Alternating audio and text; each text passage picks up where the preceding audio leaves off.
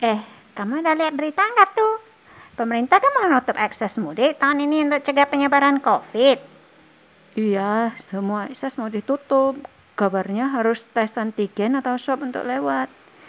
Tapi lo tahu nggak, sebelum hari H, semua udah pada berbondong-bondong mudik. Gimana jadinya ntar habis lebaran? Apa gak meledak COVID? Terus sampai kapan kita baru bisa hidup normal kembali? Ada, pada nggak mikir, nggak ada perasaan, egois. Jadi ponakan lu yang kuliah di Bandung gimana? Gak bisa pulang juga ya? Nah, kalau ponakan gue pintar. Pas dua hari sebelum jalan ditutup, dia udah pulang duluan. Memang tuh anak pintar, gak ada yang bisa halangi dia.